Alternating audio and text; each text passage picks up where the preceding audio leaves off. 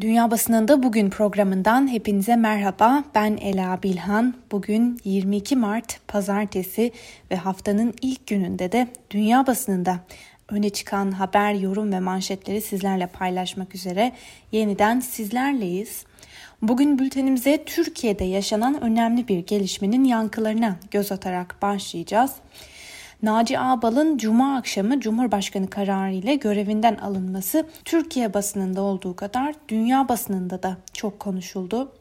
İngiliz BBC'nin aktardığı habere göre son gelişmeler dünya basınında şoke edici bir gelişme olarak yorumlanırken bu kararın Türk lirasını olumsuz etkileyebileceğine dikkat çekildi.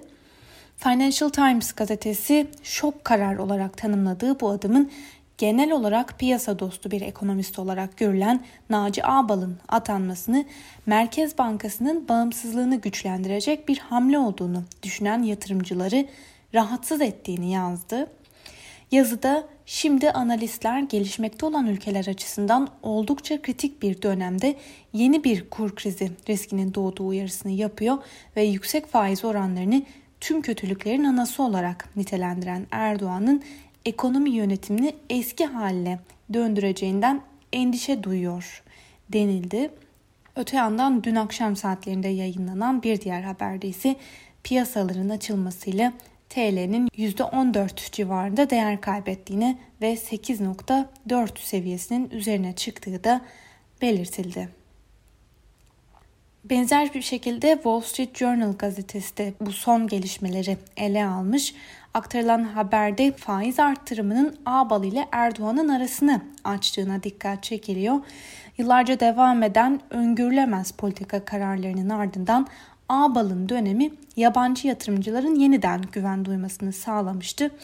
Ağbal geçtiğimiz yıl faiz oranlarını arttırmaya başladıktan sonra yatırımcılar 4.6 milyon milyar dolarlık Türk varlığı alımı gerçekleştirdi.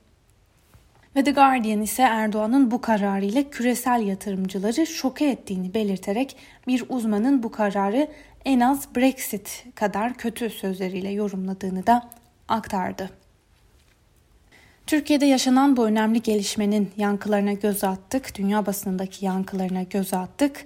Bültenimize Amerikan basınının bir numaralı gündemiyle devam edelim. Voice of America'nın aktardığı bir habere göre Amerika'da seçimlerin üzerinden aylar geçti. Fakat geçtiğimiz hafta ülkede gündemin üst sıralarında yine kampanyalar vardı.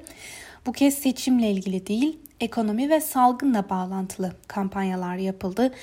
Sadece bu değil, salgınla mücadele çerçevesinde halkı aşı olmaya teşvik etmek için de bir kampanya başlatıldı. Bu sefer demokratlar teşvik paketinin yararlarının halk tarafından iyi anlaşılması için işi sıkı tutuyorlar. Öte yandan dünya genelinde aşı sıkıntıları yaşanırken Amerika'da halkı aşı olmaya teşvik etmek için planlar yapılıyor.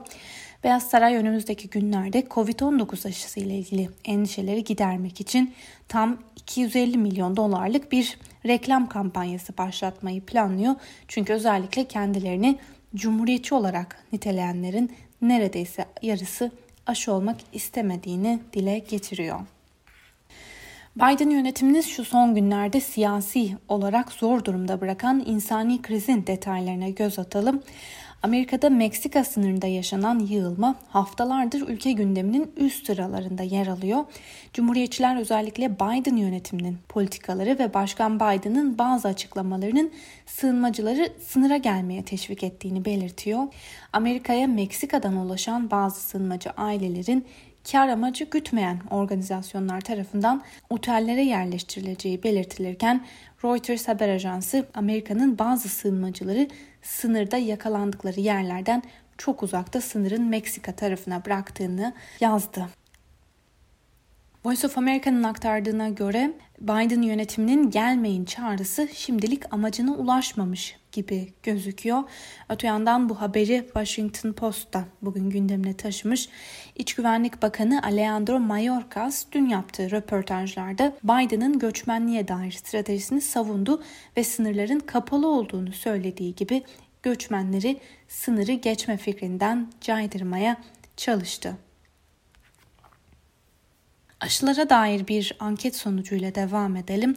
Reuters Ipsos'un anketine göre Başkan Joe Biden'a göreve başladığından bu yana destek artıyor. Ankete göre Amerikalıların %59'u Biden'ın başkanlık performansını onayladıklarını dile getirdiler. %35 onaylamazken %6 karar veremediğini belirtmiş. Biden'a desteğin yükselmesinde kamu sağlığı ve ekonomik kriz konularında attığı adımların önemli bir rol oynadığı da belirtilmiş Voice of America'nın bugünkü haberinde. New York'ta hayatın normale dönmeye başlamasıyla diğer şehir ve eyaletlerde durumun biraz daha farklı olduğu belirtilmiş bugün New York Times'ın haberinde. Buna rağmen hafta sonu binlerce insan sıcak havayı da bahane ederek Miami sahillerine akın etti. Miami sahilleri şaşkına döndü diye yazan gazetenin aktardığı habere göre bunun üzerine sokağa çıkma yasağı bir kez daha yürürlüğe girdi. Polisin kalabalıkları dağıtmak için biber gazı kullanması ise eleştirileri beraberinde getirdi. Aynı haberi gündemine taşıyan Washington Post gazetesi sahillere akın edenlerin şehri alt üst ettiğini ve sonrasında bölgede o hal ilan edildiğini yazmış. Bölgeye girişlerin ve sokağa çıkma yasağının en az 11 Nisan'a kadar süreceği de belirtilmiş.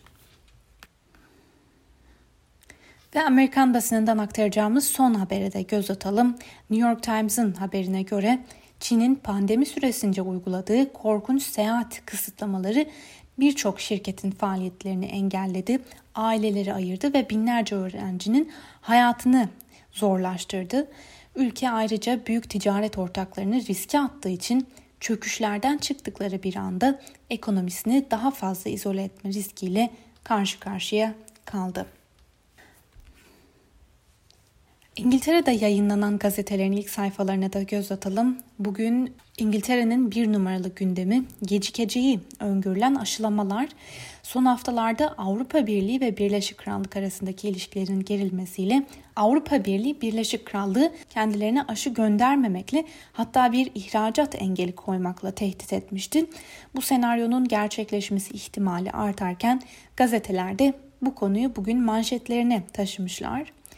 Örneğin The Guardian gazetesi bugün manşetine geciken aşılarla ilgili bir analiz taşımış. Buna göre eğer Brüksel geçtiğimiz hafta açıkladığı gibi Birleşik Krallığa gönderilen aşıları kısıtlarsa İngiltere'deki aşılama süreci en az 2 ay gecikebilir. Aynı haber bugün Financial Times'ın da gündeminde. Manşete taşınan habere göre Boris Johnson Avrupalı liderler ile tek tek telefon görüşmesi yapmayı planlıyor ve böylece Avrupa Birliği'nin öngördüğü ihracat yasağını desteklememelerini de talep edecek. The Times'ın manşetinde ise bugün şu sözler var. İngiltere'den Avrupa Birliği'ne çağrı aşı savaşı başlatmayın.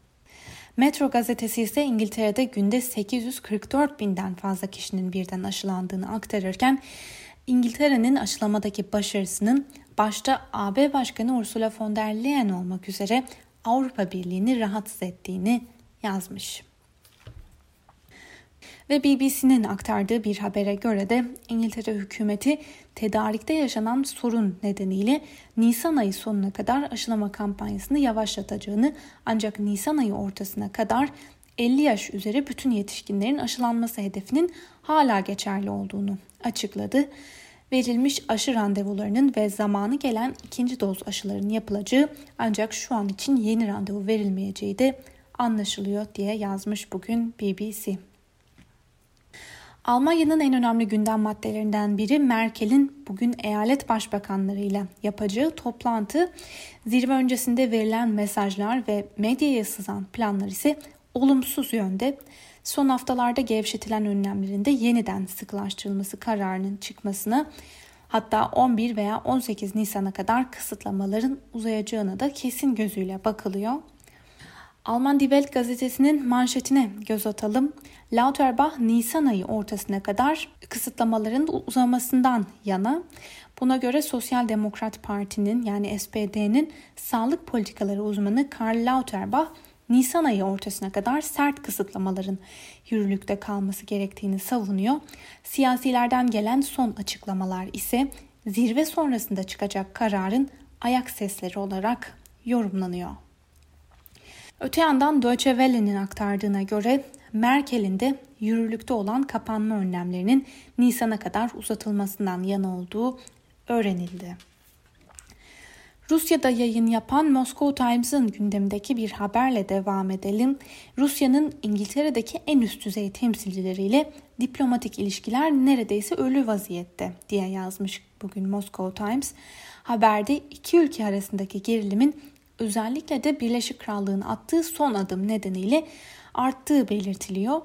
İngiltere geçtiğimiz günlerde elinde bulundurduğu nükleer savaş başlıklarının sayısını artıracaklarını duyururken en büyük tehdidin Rusya olduğunu da belirtmişti. Al Arabya'nın gündemdeki habere göre Suudi Arabistan'da aşılama operasyonu hızla sürüyor. Buna göre şu ana kadar 3 milyondan fazla Suudi'nin aşılandığı da paylaşılmış. İran basınından Pars Today gazetesi İran'ın aşı çalışmalarında olumlu sonuçlar aldığını yazmış. Buna göre İran'ın ürettiği Kov Bereket aşısının ikinci aşamasının da tamamlanması öngörülüyor. Pars Today'in aktardığı bir diğer haberde İsrail'e dair bu haberi doğrudan aktaralım. Terör rejimi İsrail Savaş Bakanı ki burada Benny Gantz kastediliyor. Başbakan Netanyahu'nun yolsuzluk davalarıyla bağlantılı olarak kavuşturmadan kaçma girişimlerini engelleme sözü verdi diye yazmış Pars Today. Buna göre İsrail'de seçimlere günler kala İsrail Savunma Bakanı Benny Gantz rakibi Netanyahu hakkında açıklamalarda bulundu ve Netanyahu'nun yolsuzluk davalarında mahkemeden kaçmasına izin verilmeyeceğinin sözünü verdi. İsrail'den bir haber daha. İsrail'de yayın yapan Kanal 13'ün haberine göre İsrail Başbakanı Netanyahu 23 Mart'ta yeniden seçilmesi halinde Tel Aviv'den Mekke'ye uçak seferleri başlatmayı vaat etti. Mısır basınından El Ahram'ın bir haberine göz atalım. Mısır 3. koronavirüs dalgasının eşiğinde diye yazmış El Ahram. Cumhurbaşkanı dün yaptığı çağrıda insanları önleyici tedbirlere bağlı kalmaya davet etti. Ve son iki haberimiz El Cezire'nin aktardığı habere göre Hindistan-Pakistan barışa giden yolda ilk adımları attı. Birleşik Arap Emirlikleri'nin ara buluculuk yaptığı barış görüşmelerinin birkaç ay önce başladığı ve önemli bir noktaya ulaşıldığı da belirtilmiş. Ve Hindistan'a değinmişken Hindistan'da yayın yapan India Today'in aktardığı habere de göz atalım. Hindistan Rusya'dan S-400 hava savunma sistemi satın almaya hazırlanıyor. Fakat ABD duruma müdahale ederek Rusya'dan S-400 hava savunma sistemleri almaya hazırlanan Hindistan'ı yaptırımla tehdit etti. Öte yandan India Today aktardığı bir diğer haberde ise Türkiye'nin de zamanında Rusya'dan S-400'leri aldığını ve bu nedenle bazı üst düzey kişilere yaptırımların uygulandığının da altı çizilmiş. Sevgili Özgürüz Radyo dinleyicileri, India Today'den aktardığımız bu son haberle birlikte bugünkü programımızın da sonuna geldik. Yarın aynı saatte tekrar görüşmek dileğiyle. Şimdilik hoşçakalın.